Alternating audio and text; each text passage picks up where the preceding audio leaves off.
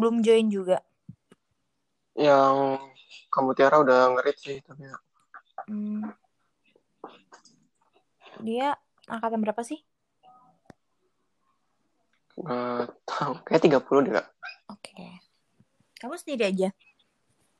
Iya, Yang lain? yang lain maksudnya. Oh, emang sendiri. Dapat kedapetannya enggak kan? Hostnya dapat sendiri. Sama. PJ-nya PJ-nya sama Tirta, cuman Tirta nggak bisa katanya. Oh. Oke.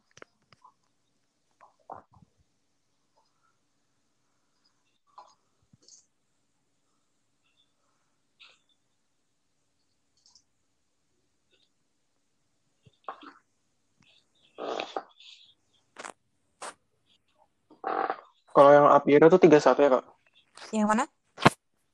Yang Kapiero. Viro. Ih, sumpah nggak tahu aku. Kamu dapat pembicara dari mana? Dari Tirta sama Ciara. Viro. Ih, nggak tahu aku. Mungkin dulu ya Axel kali ya. Mungkin.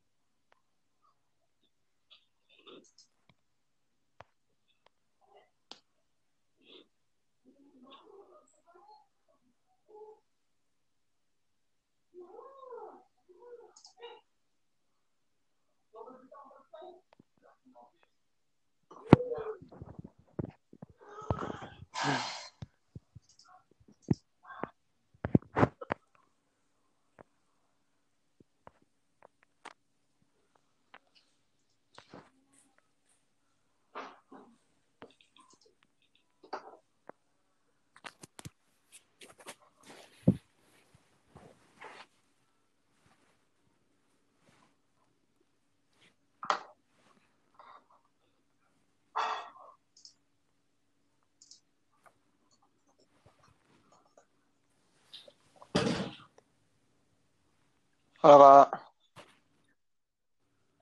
Piero belum ada ya? Belum kak. Kak enaknya dipanggil apa ya kak? Hmm, Tara aja. Katara atau Teh Tara? Kak aja. Oke.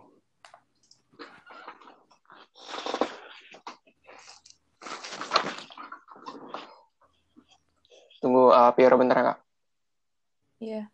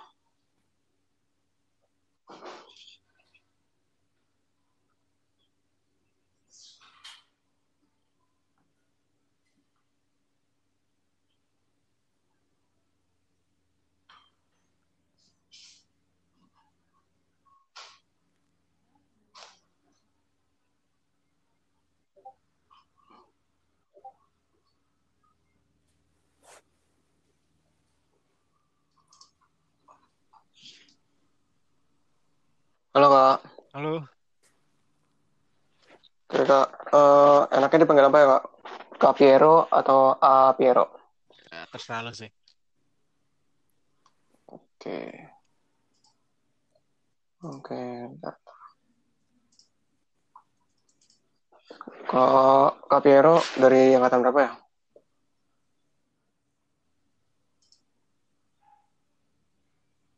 Halo kak,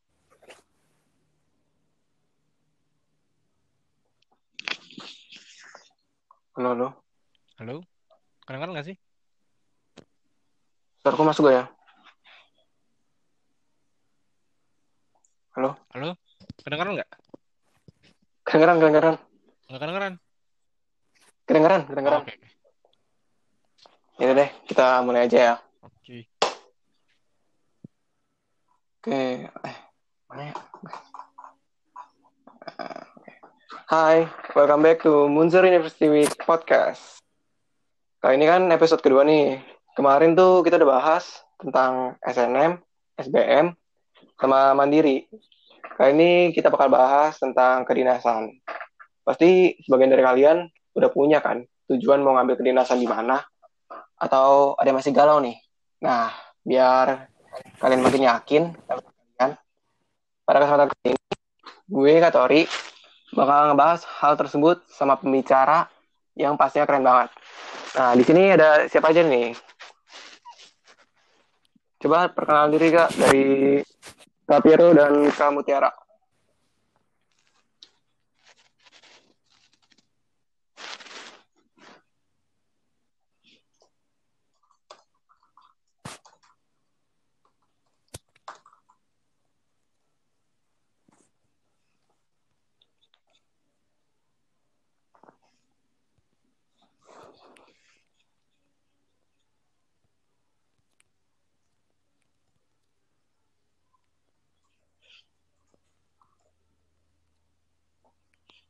Halo Kak.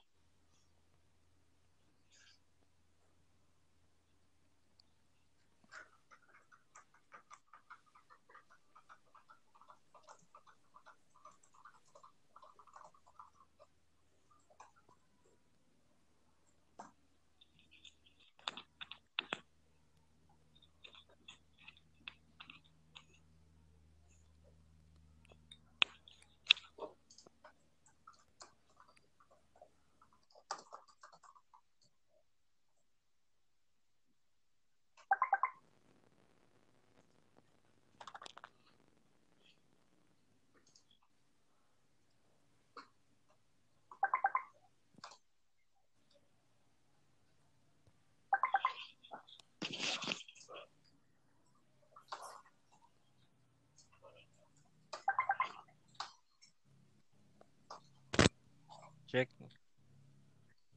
Halo, halo. Halo, kedengeran nggak? Nah, ini kedengeran Kak. Sorry, sorry, sorry, sorry. Kalau Kak Tara kedengeran nggak Kak? Ah, Kak Tara kan nggak kedengeran ya?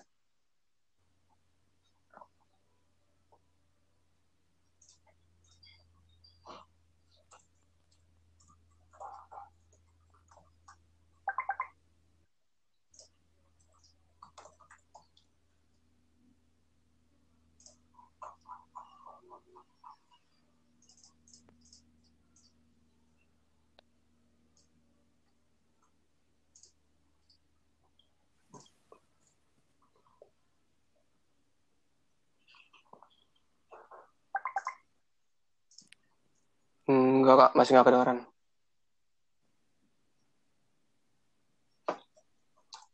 Sekarang kedengeran nggak? Nah, sekarang kedengeran Kak. Bentar. Dah. Oke. Eh. Boleh ya Kak? Tunggu, tunggu. Eh, Tapi kalau misalkan yang pas lagi di di apa di podcastnya itu yang jawab kan Ah. aku atau Piero? Terserah sih mau siapa duluan Kak. Piero dulu. Pier, dulu ya Pier. Piero. Ya.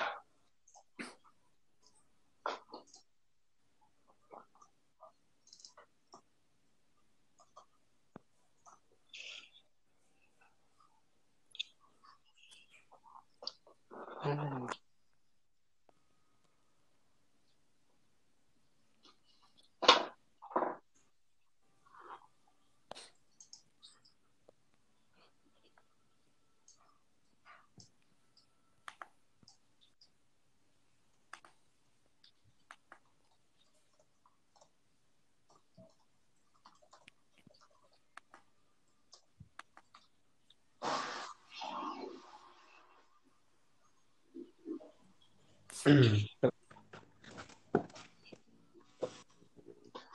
halo. Halo, kedengeran nggak? Dengaran nggak? Wait, wait, wait. Tara. Hmm. Oke. Sip.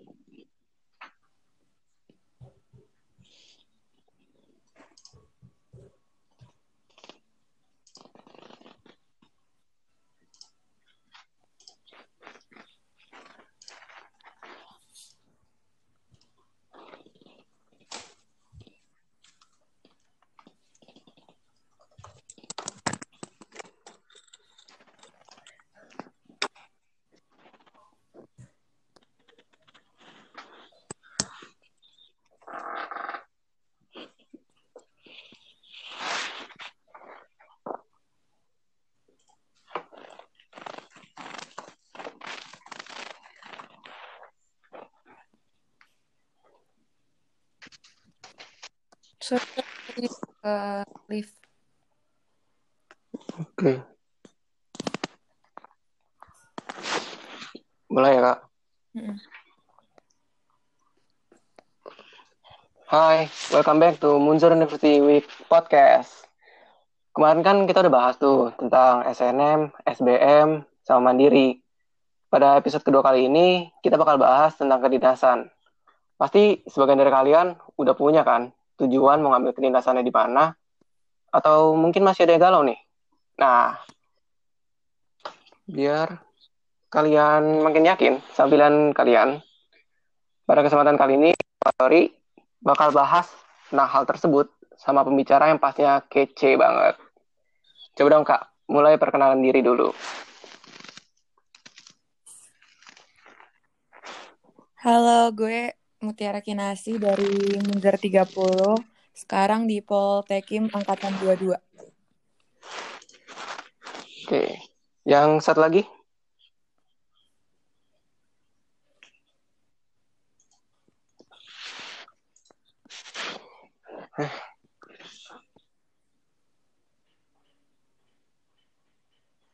Gak ada ya, Apiero ya? Vero. Ih, dia mah. Piero.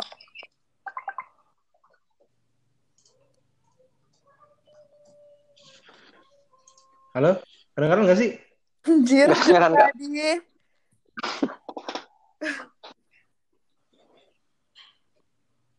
Pier.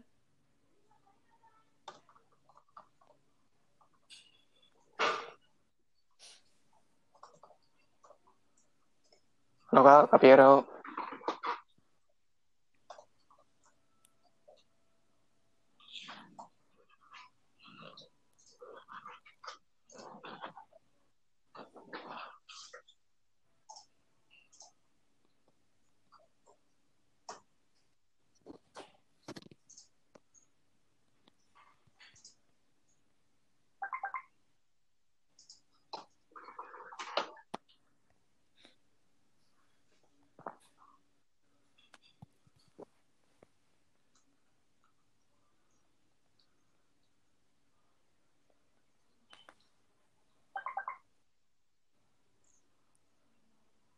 Kak.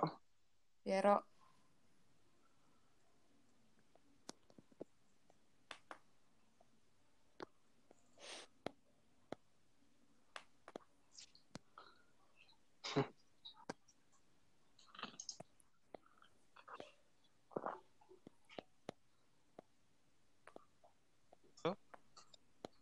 Halo, halo.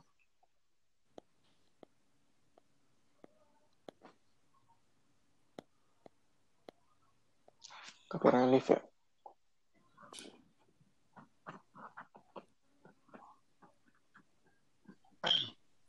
Kedengeran nggak tuh?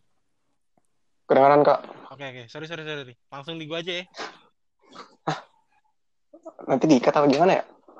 Bisa diikat gak? Bisa sih kayaknya dah. Atau nggak, ulang aja lah sekalian. Ya udah. Kayak... Oke. Hai, welcome back to Munzer University Week Podcast.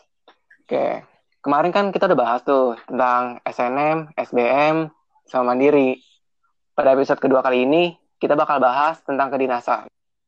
Pasti sebagian dari kalian udah punya kan tujuannya mau ngambil kedinasan di mana? Atau mungkin masih ada yang galau nih?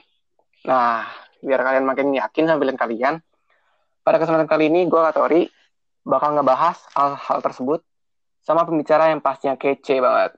Coba dong kak, perkenalan diri dulu. Halo, gue Tara dari Munzer 30. Sekarang gue di Poltekim Angkatan 22.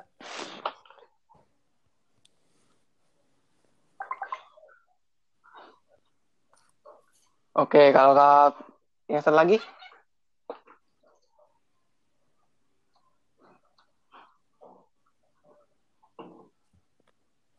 Gue kuliah di PKN STAN dan sekarang gue lagi kerja di KPPBC TMPC Sorong.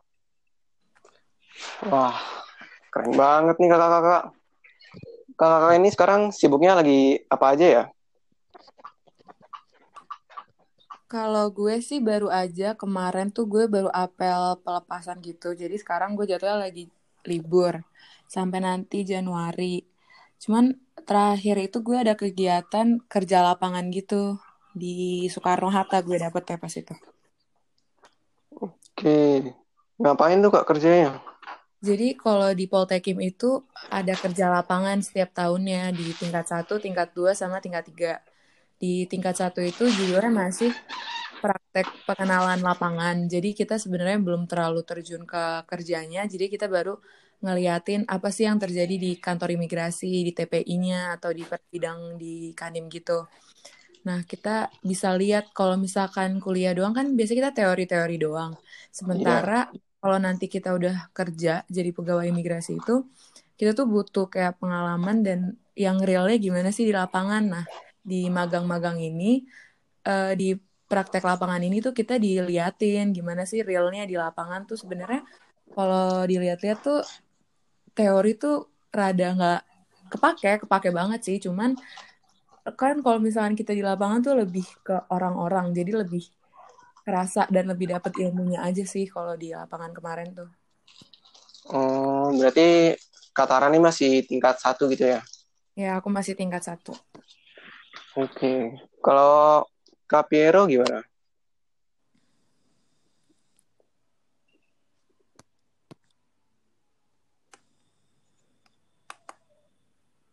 Halo Kak.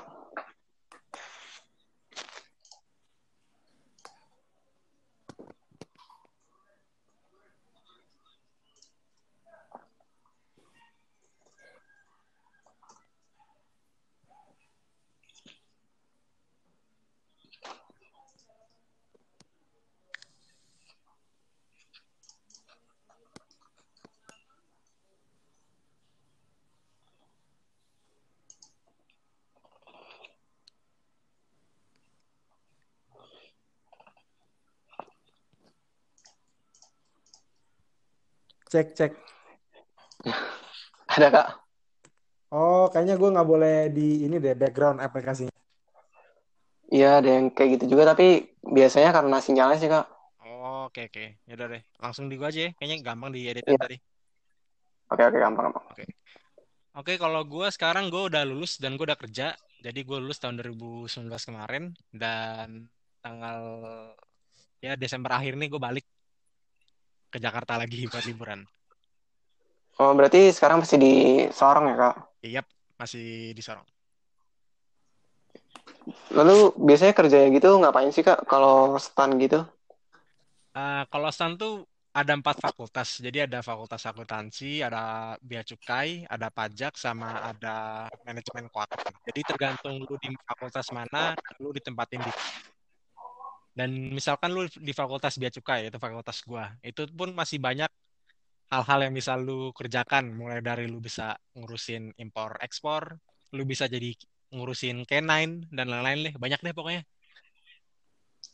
Oh berarti setiap fakultas bakal beda gitu ya kak kesibukannya? Ya betul. Oke. Sekarang aku mau nanya nih buat kakak. Perjuangan dari awal punya target kedinasan tuh kayak gimana sih? Kayak mulai dari kelas berapa atau ya perjuangannya gimana sih kak? Uh, lu duluan deh Mut. Kalau kalau aku sih sebenarnya aku kan lulus tahun 2018. Iya. Pas lulus itu tuh aku sebenarnya testan. Aku yang mau Oh. nyoba pajak pas itu kan. Aku nggak kepikiran masuk Poltekim pas itu. Jadi aku pengennya stan. Aku emang pengen kedinasan. Kan pas itu nggak kepikiran AIM. Eh, Poltekim. Akhirnya eh, pas tes itu aku lolos CAD-nya. Cuman pas di perankingan nasional gugur. Ya udahlah. Pas itu juga nggak masuk PTN. Akhirnya aku satu tahun kuliah di universitas swasta. Akhirnya di tahun kedua itu aku nyoba masukin Poltekim karena udah nggak ini aja sih sama Stan udah nggak terlalu berharap. Akhirnya Hmm. carilah yang lain yang kira-kira masih masuk sama minat aku. Akhirnya ada Poltekim, terus aku nyoba dan alhamdulillah akhirnya masuk sih. Oke, alhamdulillah. Kalau Kak Piero gimana? Kalau perjuangan gue eh, mungkin dimulai waktu dulu ya, waktu kita kelas 12 tuh udah kan udah mulai sibuk-sibuk mau nyari kuliah dan mana-mana lain lah. Dan gue ngikutin suatu apa ya semacam iklan, iklan sama bimbel PKN Stan dan di situ gue mulai tertarik sama PKN Stan. Jadi di situ gue mulai li- lihat PKN Stan, mulai lihat fakultasnya dan sempat ini sih eh keintimidasi sama pesaing-pesaingnya. Karena gue lihat emang anjir banyak banget yang pengen masuk stan. Dan kalau untuk kalau untuk perjuangannya kurang lebih itu belajar terus sih. Maksudnya belajar tuh bukan artian bu- karena gue juga ikut SBM kan jadi gue PKN Hmm. tuh gue cuma ngelatih TPA TBI pokoknya tuh benar-benar latihan banyak jadi lebih banyak volumenya daripada kualitasnya sih kalau gue bisa bilang Oke, kalau nggak salah juga butuh tes fisik ya, Kak? Ah, iya untuk tes fisik itu gini-gini. Jadi kalau di tahun gue ya, lu kan bisa milih tuh empat fakultas. Dan yang butuh fisik sebenarnya cuma satu fakultas yaitu Bea Cukai. Dan Hmm. ketika lu misal lu lulus di tes tertulisnya dan lu lu lu bakal dikasih kesempatan untuk ikut tes fisik. Nah, jika tes fisik lu mumpuni, lu punya kesempatan untuk masuk Bea Cukai. Gitu. Oh, berarti kalau fakultas lainnya cuman perlu tes tulis aja gitu ya, Kak? Iya, misalkan lu emang pengen naik pajak atau pengen ke akuntansi, lu nggak perlu fisik juga nggak apa-apa sih. Oke, berarti Kak Piero nih senang banget nggak sih buat masuk PKN STAN ini? bisa dibilang seneng dan emang seneng karena PKN Stan satu yang paling gue suka itu deket dari rumah. Oh, oke. Ya, kan Nggak perlu ngekos gitu ya, Kak? Iya betul banget. Jadi teman gue sibuk-sibuknya beli tiket buat pulang, yang gue tinggal naik motor aja setengah jam. Oke. Dan kedua PKN Stan udah gitu gratis lagi. Itu gue. Maksudnya gratis gimana tuh, Kak? Nah jadi ah, makanya semua kedinasan sih, semua kedinasan tuh ada Iya. semacam subsidinya dari pemerintah dan Hmm, bayarnya dikit dan ada yang gratis bener gratis dan PKN Stan tuh salah satunya ya gratis. Kalau Poltekim gimana sih? Poltekim tuh dari daftar juga nggak ada bayar, bener-bener eh gratis. Dan paling bayar tuh untuk kebutuhan sendiri aja sih pas mau basis itu sampai sekarang aja kalau seragam aja kita dapat, makan dapat. Bener-bener semuanya tuh dari dibiayain sama pemerintah sih. Oh Poltekim Mas Rama ya? eh eh, ada sih eh, kak- eh, senior-senior aku yang masih di asrama, cuman sekarang ini karena belum memenuhi kebutuhan, jadi masih ngekos kalau angkatan gue. oke. Junior gitu ya. Kalau Kak Tara ini kan sempat istilahnya kurang berhasil lah menggapai STAN dan PTN gitu ya, Kak. Mm-mm. Kak Tara nih sekarang nyesel nggak sih? Kayak, ah, masuk ke dinasannya berbeda dengan tujuan yang gua awal pengen gitu, Kak.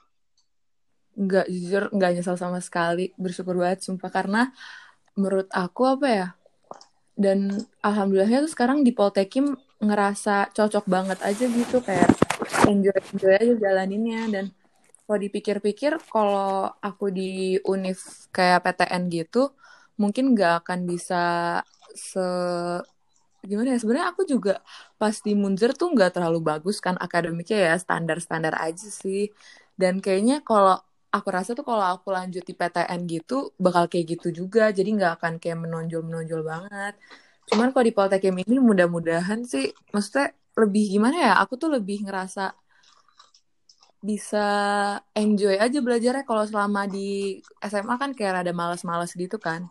Kalau di Poltekim ini aku ngerasa masuk banget sih. Dan kalau untuk nyesel nggak masuk stan, nggak nyesel sih. Sebenarnya ya pas tahu kalau nggak masuk sih sedih banget. Cuman kalau udah tahu sekarang ya aku masuk di Poltekim, nggak nyesel samsek sih. Soalnya stan itu banyak banget pesaingnya dan terlalu luas banget gak sih Pir? Kayak. Banyak banget gitu.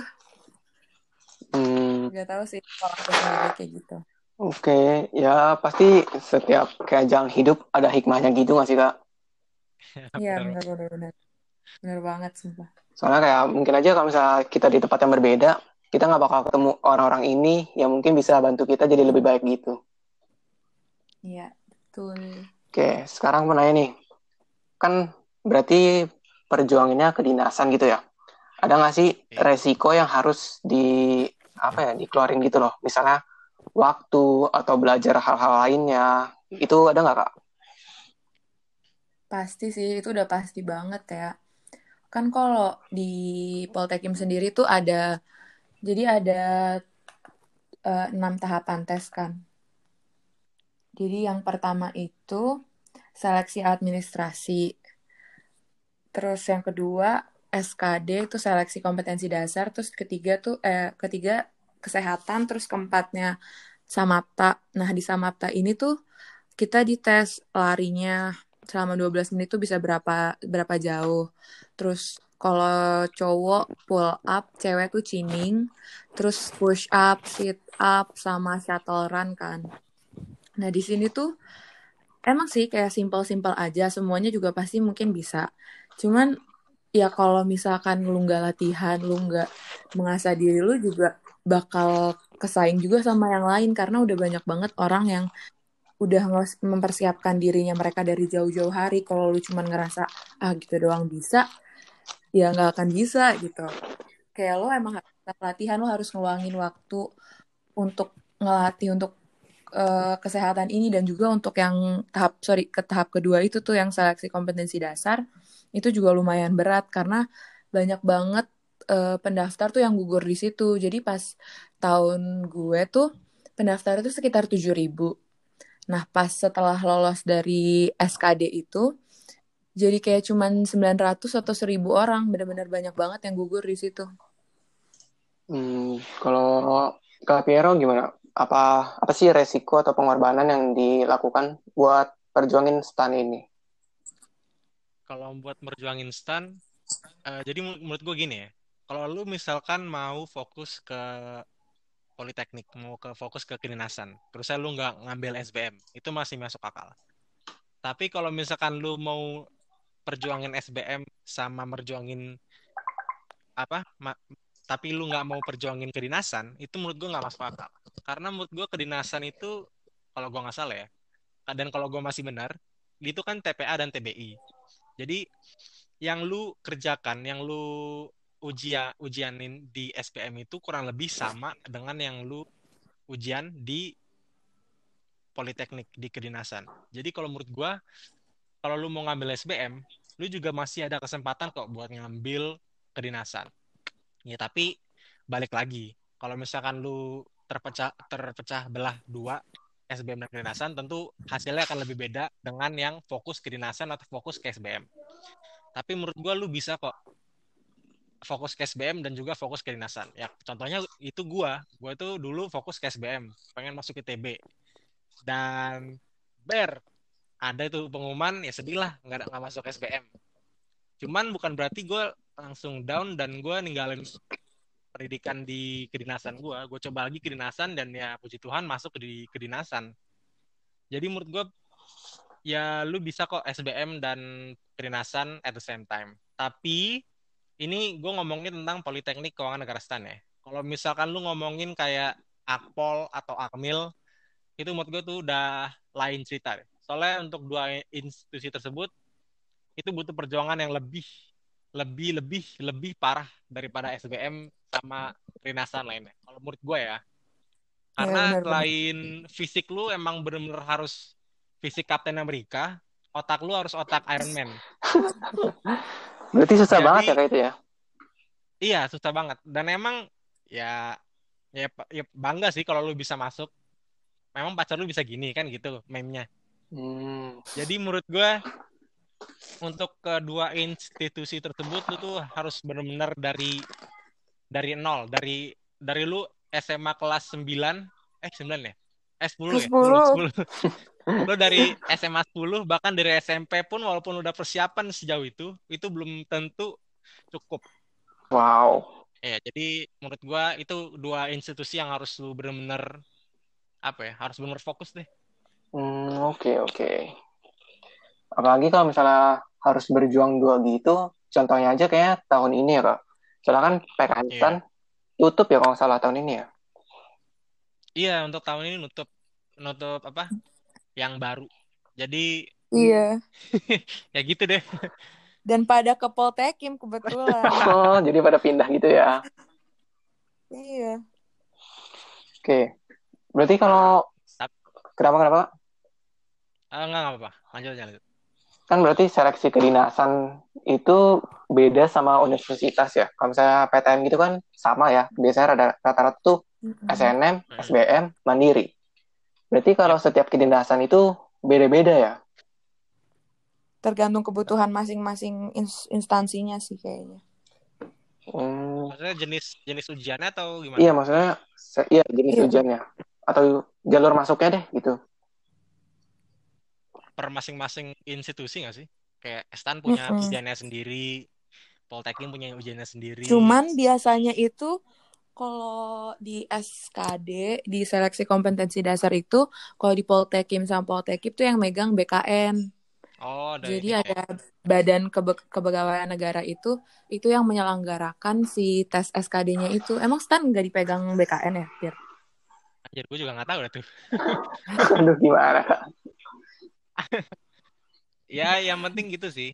Maksud gue dan juga eh, ini ya info aja. Jadi dulu ada sempat semacam rumor yang gue juga nggak tahu sih bener apa enggak. Jadi kayak lu misalkan daftar di PKN Hmm. selalu daftar di Akpol. Ya, biar lu misalkan ya apa chance lu tinggi lah ya. Kalau nggak masuk sini masuk yang situ. Iya iya. Jadi kayak misalkan lu keterima di dua-duanya, lu tuh bisa di blacklist gitu loh dari keduanya. Maksudnya gimana? Jadi misalkan lu bentar, bentar, lu misalkan masuk ke PK, lu tes di PKN nih. Iya. Nah, lu nggak bisa lu nggak bisa eh terima, nggak lu nggak bisa tes juga di Akpol. Soalnya kan mereka kan tadi kan Enggak, iya nggak sih? enggak, enggak setahu gue itu tuh dulu. Nah, sekarang itu Oh, tuh sekarang kalau nggak nggak ya? salah, Akpol sama Akmil tuh udah duluan gak sih tesnya? Mereka tuh udah selesai duluan. Terus baru deh ada yang kedinasan lain. Nah, tapi misalkan gue mau daftar kedinasan, gue cuma bisa daftar Poltekim. Gue nggak bisa daftar Poltekim sama Stan gitu loh, Pir. Kalau nggak salah tuh. Oh, udah direvisi berarti Dulu, itu. iya, Iya. soalnya dulu tuh sempat kayak gitu. Banyak banget yang di blacklist dulu. Nah, sekarang kayaknya udah kayak gitu deh. Yang itu dah tuh buat kalian Yang nggak bisa tuh Akpol sama Akmil tuh nggak bisa nyoba bareng-bareng. Iya. Sama kayak Poltekim sama Stan tuh nggak bisa bareng-bareng. Harus pilih salah satu. Oh, berarti bisa Jadi- bareng eh bisa satu-satu gitu ya. Misalnya bulan awal kita daftarnya eh, apa namanya? Akmil atau Akpol, lalu misalnya gagal kita bisa daftar yang Ya. STAN dan Poltekim lainnya. Ya, atau yang Eh, kedinasan kedinasan lainnya tuh bisa juga. Oke. Mm-mm. Terus hmm, eh, apa sih kan eh, kakak ini akhirnya mutusin buat ke kedinasan nih. Berarti apa alasan kakak-kakak ini buat masuk kedinasan dan bertahan? Soalnya pasti susah nggak sih kak ke apa belajar di kedinasan itu? Kalau eh, gue sendiri sebenarnya tuh di kedinasan tuh eh, lu butuh kuat fisik sama kuat mental sih. Karena lu gak akan jauh-jauh dari fisik. Di mana lu lari, lari, lari, olahraga, olahraga terus. Terus eh, mental lu juga harus kuat. Maksudnya kalau di- dibandingin sama kuliah univ biasa yang PTN atau swasta juga beda banget kan kalau misalkan univ tuh biasanya mereka cuman ya udah datang kuliah paling kayak organisasi apa-apa gitu pulang. Kalau gue tuh di kedinasan bener-bener kayak sekolah jadi Senin sampai Jumat jam kalau kegiatannya ya jam 7 pagi sampai bisa sore banget gitu tuh setiap hari. Sementara kalau di Unif kan biasanya mereka tuh masuknya misalkan kelas jam 3. Ya udah jam 3 sampai jam 5 misalkan udah pulang. Sebelumnya juga cuma di kosan. Nah, kalau di kalau di Poltekim sendiri tuh beda, nggak kayak gitu. Jadi bener-bener setiap hari lu tuh ada kegiatan dan padat gitu. Jadi lu tuh harus siap fisik dan mentalnya juga sih sama kesehatan. Itu penting banget sih menurut gue. Oke, oke. Kalau aku gimana? Kalau di Pekensan kayaknya masih sama sih sama universitas lain. Karena yang di Pekensan itu kan yang militer itu kan cuma bea cukai tuh. Jadi jurusan lain kayak akuntansi gitu tuh nggak militer. Mas gue bener-bener sama, hampir sama kayaknya universitas lain. Ya lu misalkan di paginya lu ada kelas, terus di malamnya lu ada kelas, itu bisa kayak gitu. Cuman untuk bea cukainya sendiri ya hampir kurang lebih sama lah sama kedinasan lain kalau untuk bea cukai, apel pagi, apel sore gitu. Tapi ada latihan fisik yang gitu ya, Kak? Ya, untuk bea cukai ya. Hmm. Kalau yang untuk fakultas lain sih enggak sih. Jadi misalkan lu emang orangnya mageran, ya lu bisa jurusan lain selain bea cukai. Uh, kalau menurut kakak sendiri, kenapa sih kalau bea cukai itu harus ada fisiknya? Karena pekerjaannya nuntut untuk lu punya fisik yang bagus. Misalkan lu udah penyelundup dan lu lari aja sampai ngap-ngapan, ya lari dong penyelundupnya kan gitu. Atau kan misalkan lu mau ngegerebek rokok ilegal, orangnya preman-preman, cuman lu kurus gitu. Ya gimana orang mau melindungin bangsa ini dari rokok ilegal ya, kalau betul. lu nggak punya fisik aja. Sih. Keren juga. Keren banget.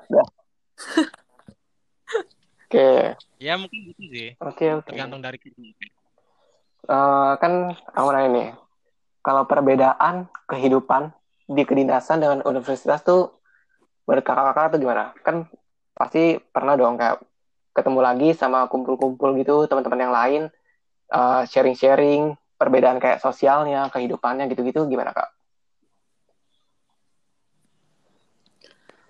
Kalau aku sih beda ya karena di Polte kalau di Unif biasa tuh kan lu tuh bisa pakai baju bebas bisa kayak ya maksudnya kalau pergaulan antara kita sama cutting tuh masih ya mungkin awal-awal rada gimana gitu cuman uh, nantinya udah slow gitu karena kalau di gue itu kan setiap hari pakai seragam. Terus kayak kita benar-benar nggak boleh pakai baju bebas. Pas pergi juga kita tetap harus pakai baju seragam. Terus kegiatan dinas juga pakai baju seragam. Pokoknya benar-benar ada seragam untuk setiap acaranya gitu. Dan menurut aku tuh di Poltekim itu lebih ini aja sih lebih beda lah gimana ya kayak dari yang tadi aku bilang yang tentang kuliahnya tuh benar-benar setiap hari dan padat mulu setiap harinya itu terus uh, kita kita kayak apa ya lebih ini sih kalau menurut aku sikapnya lebih nggak bisa asal-asalan gitu harus ada aturannya dan harus saling respect gitu dan lebih itu sih sikapnya benar-benar dijaga banget menurut aku hmm. kayak pas pas kibra deh pas kibra eh pas Kibra. Ya benar iya semacam lah manggilnya abang. Ya dan kayak sikap kita sebagai tingkat apalagi tingkat satu ya itu benar-benar harus dijaga. Bukan bukan hanya ke seniornya tapi ya sebagai kita yang mewakilkan Poltekim kan kalau kita pakai seragam itu misalkan jalan ke mall atau jalan ke tempat uh, yang banyak orangnya gitu kan orang-orang pasti bingung nih ini orang mana nih? Misalnya oh Poltekim pasti dilihat juga nggak iya, sih iya. kayak sikapnya kayak gimana benar-benar jadi kayak mewakilin Poltekim tuh gimana sebenarnya benar-benar harus dijaga banget. Oh berarti kayak semacam gak ada waktu buat hangout gitu ya kak sama teman-teman? Apa gimana? Waktu sih ada sebenarnya ada-ada aja aku bisa cuman kayak ini sih yang beda tuh libur semester libur semester kuliah biasa tuh biasanya kan dua bulan tiga bulan gitu kan. Nah aku tuh cuma dua minggu. Jadi benar-benar pas libur lebaran ya dua minggu uh, terus uh, ini juga Natalan sama tahun baru tuh dua minggu gitu. Itu sih yang beda banget menurut aku. Oke kalau Kapiero gimana nih? Uh, kalau untuk Pekensan kayaknya untuk biaya cukainya juga nggak ini sih nggak terlalu sestrik kalau tekim tadi Soalnya kalau gue pengen ke mall ya, gue mall pakai jeans. Kalau Poltekim pakai ini ya, harus pakai seragam ya. ya? Ke mana-mana harus pakai seragam Nah. kalau Poltekim. Ya kan? Kalau jadi kalau Pekensan ya se- seakan selagi lu nggak masih di lingkungan kampus, ya lu terserah ma pakai baju apa aja. Tapi yang paling kalau gue lagi nongkrong sama teman gue, teman gue gondrong, guanya botak, ya gitulah. Berarti penampilannya itu dijaga banget ya kak. Iya benar. Eh, gini ya, kalau lu mau ke kedinasan, akhirnya kan lu berarti jadi PNS tuh, jadi pegawai negeri sipil. Nah, jadi apa pun yang lu omongin di media sosial itu bakal eh, reflect balik ke institusi lu. Jadi lu Benar, nggak boleh ngomong sembarangan, lu tuh nggak boleh apa ya? Ya lu nggak bisa memiliki agak mungkin gue ter- ngomongnya terlalu parah sih. Cuman kalau gue bilang lu nggak bisa jadi SJW lah di kedinasan. Kalau menurut gue ya, karena ya apa yang di apa yang dipikirin oleh lu tuh harus merupakan apa yang dipikirin oleh negara. Jadi lu tuh nggak bisa, misalkan lu bilang, ayo kita nggak usah nggak jadi deh, Kenapa nih? terlalu ngajar. Nggak usah, usah. Pokoknya, pokoknya lu harus setiap apa pun yang lu omongin di media sosial, apa pun yang lu omongin di kehidupan nyata, itu tuh lu harus ingat kalau lu tuh bawa nama institusi di pundak lu. Jadi Iya ketika benar. lu pakai pakai pangkat di pundak lu nanti, itu tuh bukan hanya sekedar blok-blok atau cuman ornamen doang, tapi itu merupakan sebuah pengakuan negara bahwa lu itu merupakan pegawai mereka. Dan lu harus bangga sama itu. Itu sih. Oke oke. Berarti kita kalau misalnya nanti lulus dari kedinasan harus jaga banget omongan kita di media sosial juga gitu ya kak. Iya, walaupun gue sebenarnya juga nggak jaga-jaga Iya. banget sih. Aduh. Ya pokoknya lu kalau bikin post di Facebook ya yang bener lah, nggak usah terlalu terlalu apa ya parah banget? Provokasi. Ya gitu. Oke oke. Eh, ada nggak sih kak pesan sama saran gitu supaya ada dia mau kedinasan nih bisa berhasil menggapai mimpinya gitu. Ya mungkin dari kamu Tiara dulu. Iya. Kalau dari aku sih berju eh, gimana ya? Usahalah semaksimal mungkin. Karena banyak banget orang yang udah berusaha semaksimal mungkin itu gak masuk juga. Dan dengan usaha ini lu juga maksimalin dengan doa lu lu deketin sama tu- deketin diri sama Tuhan lu. Terus jangan mudah putus asa. Kayak aku sendiri kan aku gagal tuh di tahun pertama masuk stan. Tapi dari situ aku nggak langsung kayak ya udahlah nggak usah univ swasta aja lanjutin kayak gini.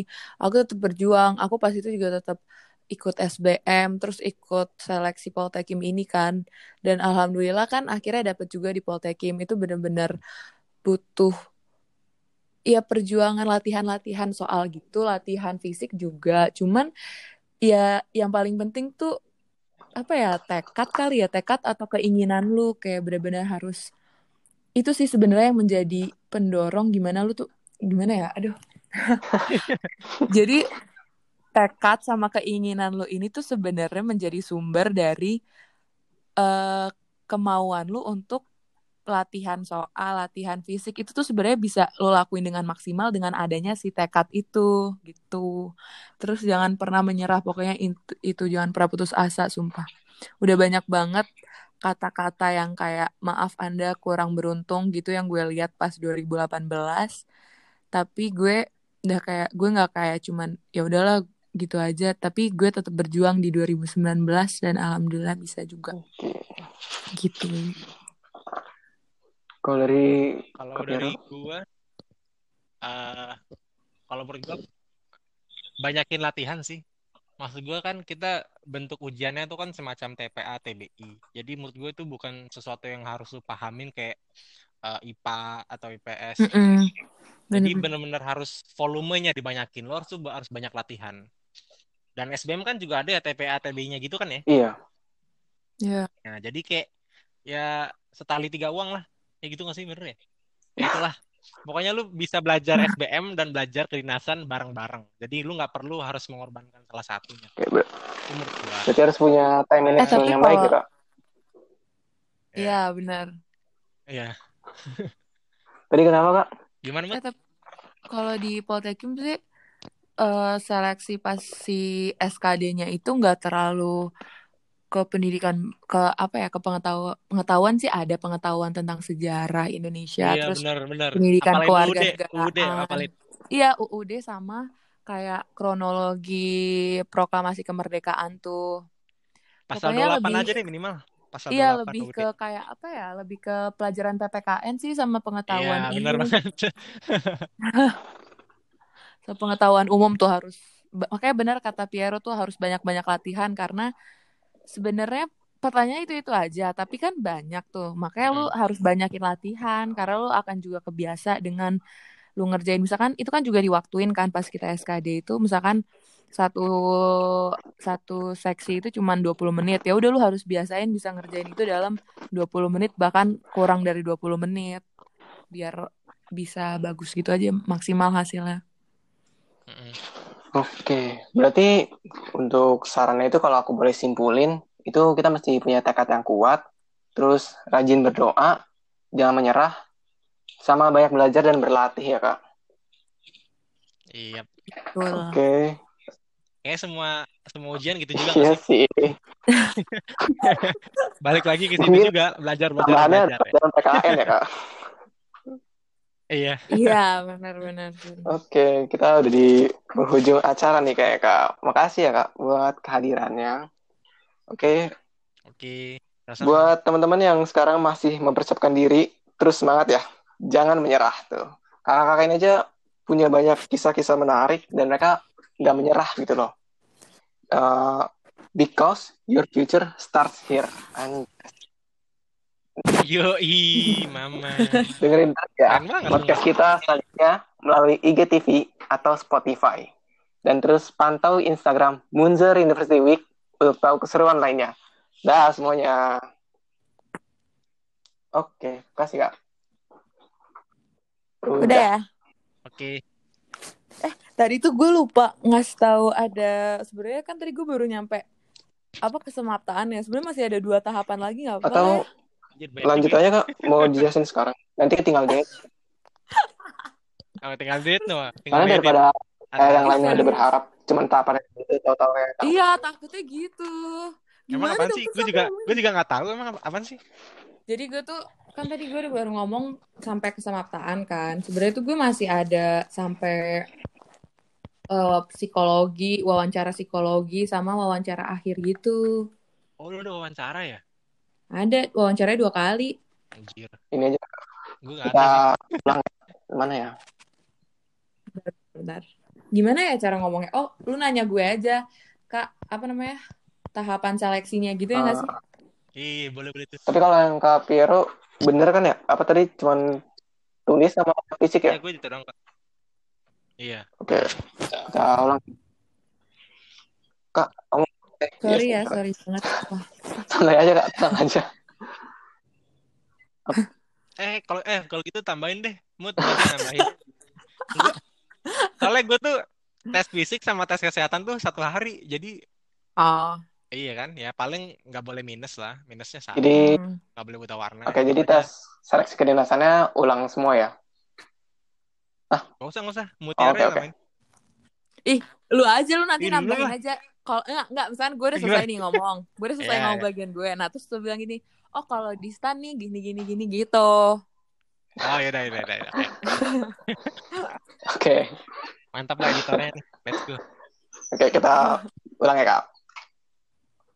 Kak, aku mau nanya nih, kalau perbedaan, eh maksudnya kalau misalnya di universitas kan tesnya cuma SNM, SBM, sama mandiri kebanyakan ya. Kalau di kedinasan tuh gimana ya kak? Nah, kalau untuk di Poltekim sendiri itu ada enam tahapan seleksi.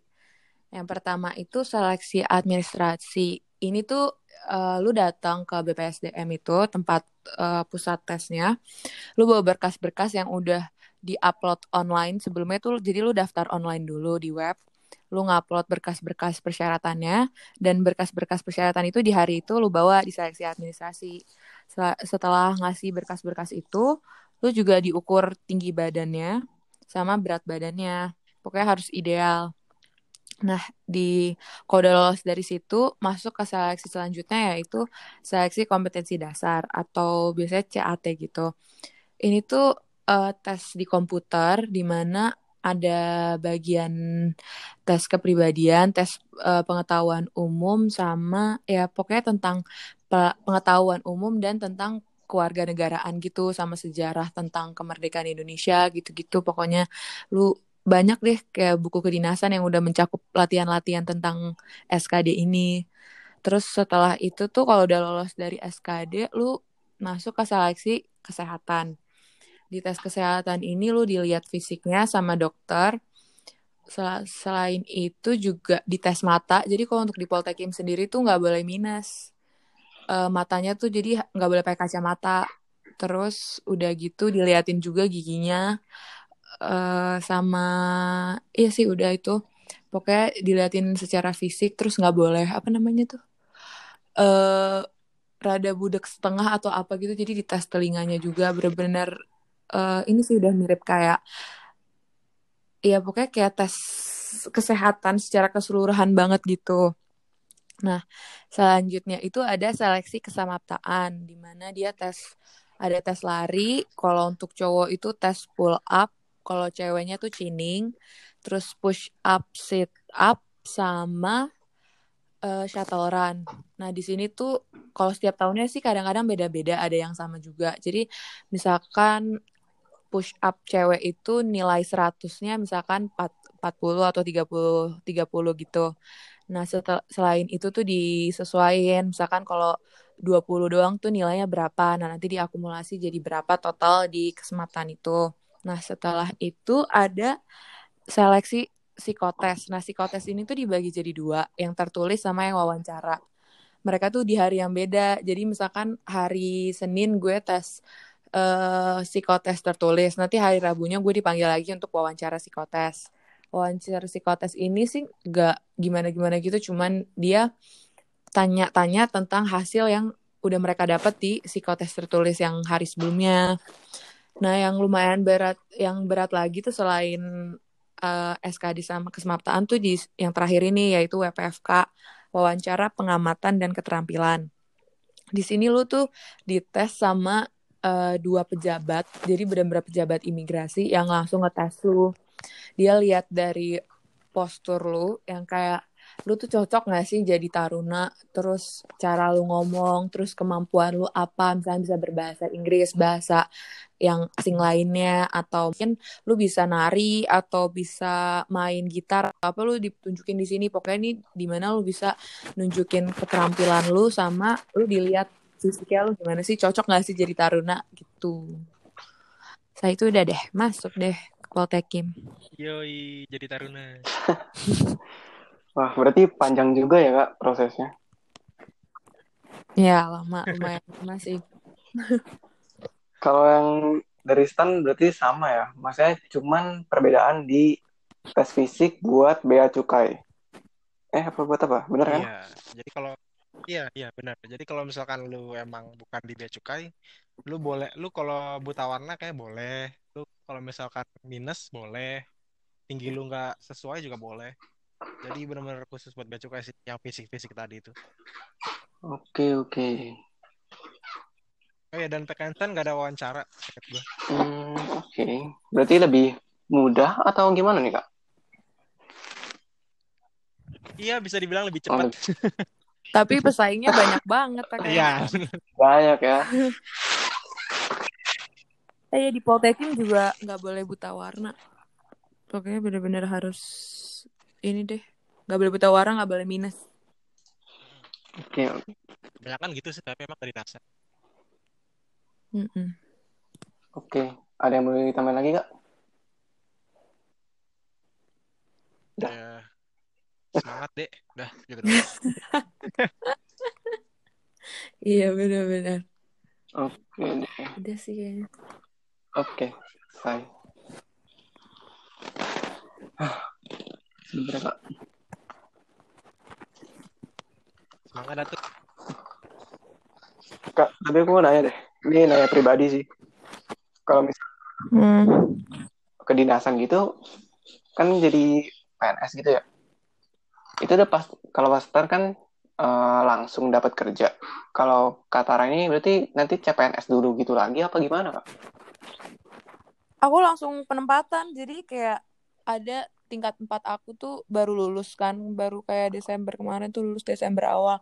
Sekarang mereka udah dapat penempatan dan menurut ya aku nggak ini sih cuman uh, kalau di stand itu kan dia luas banget penempatannya tuh bener-bener bisa kayak Piero nih bisa disorong kan. Kayak bener-bener dari ujung ke ujung tuh bisa ada gitu nah kalau di ini Poltekim sendiri tuh karena mungkin kanimnya masih di kota besar aja dan yang krit yang di kota-kota kecilnya paling kayak yang di Antikong, kayak yang perbatasan langsung sama negara lain gitu kan. Nah, kalau aku tuh enaknya tuh dia kita penempatannya tuh lebih apa ya menurut aku ya emang berat sih penempatan tuh di mana aja berat cuman lebih di kota besar sih kalau yang aku lihat dari yang apa senior aku barusan ini tuh pada di Jakarta di Soekarno Hatta di Surabaya Jogja Semarang gitu yang di Antikong tuh cuma satu kalau nggak salah terus di ada lagi di Tobelo tuh cuma satu. Cuman tergantung sih sebenarnya tuh kalau di kedinasan ya kalau eh ini nggak masuk ini kan nggak masuk podcast ya kan? Nggak nggak. Aku nanya pribadi aja.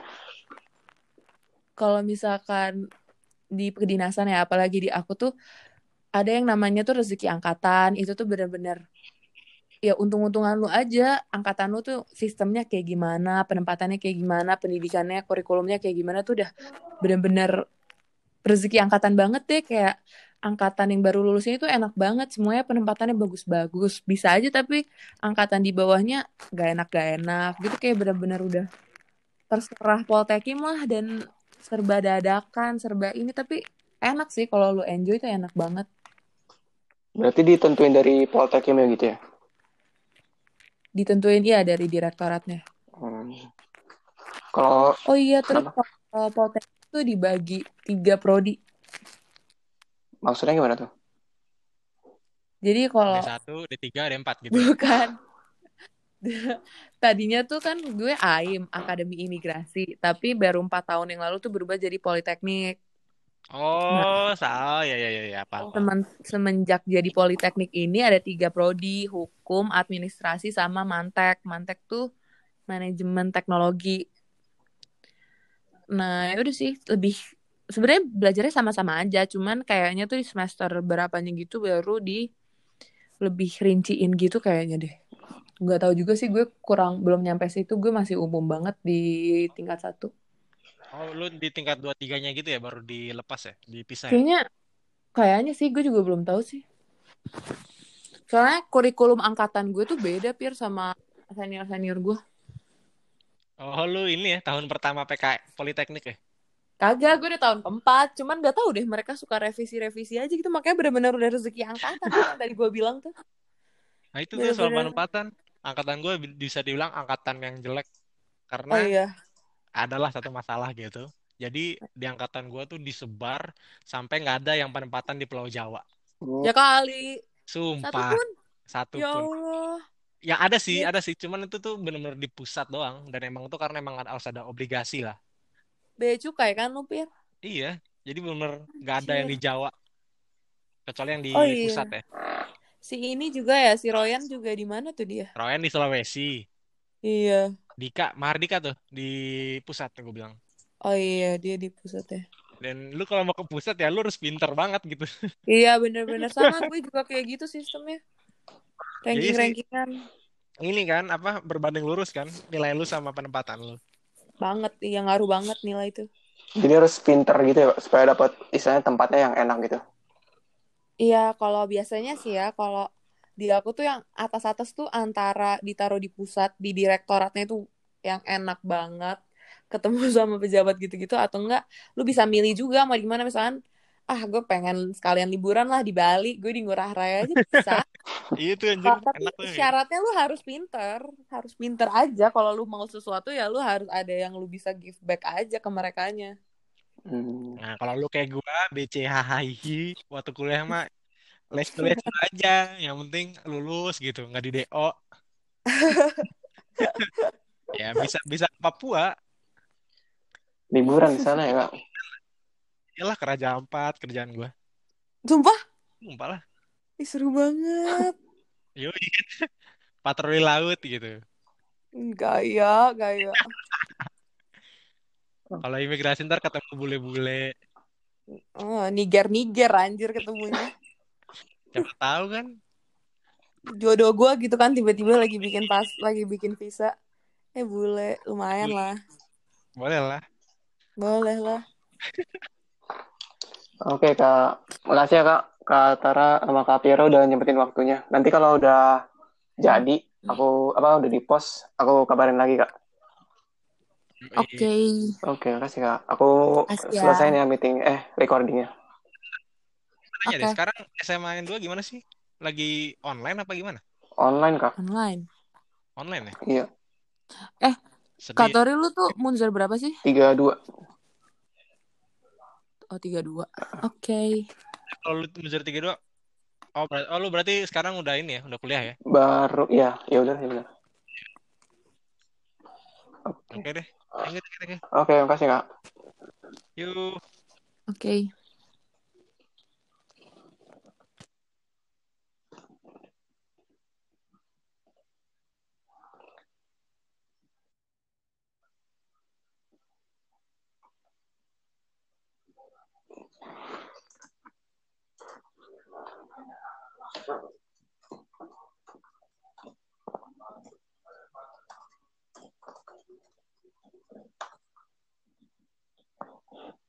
Pakai